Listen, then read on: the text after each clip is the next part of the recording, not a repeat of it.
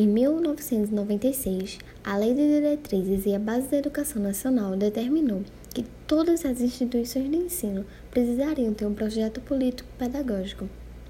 A década de 1980 foi marcada por um movimento de democratização no Brasil e no exterior.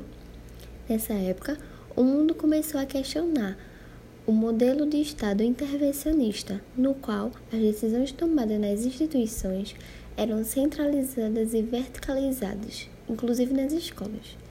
Nesse contexto, em 1998, o Fórum Nacional em Defesa da Escola Pública começou a trabalhar para que fosse instituída uma gestão democrática no ensino público que garantisse autonomia a cada instituição de ensino. Existia uma necessidade imediata para que as escolas se adaptassem a essa nova realidade. Sendo assim, o projeto pedagógico foi instituído na Constituição de 1988.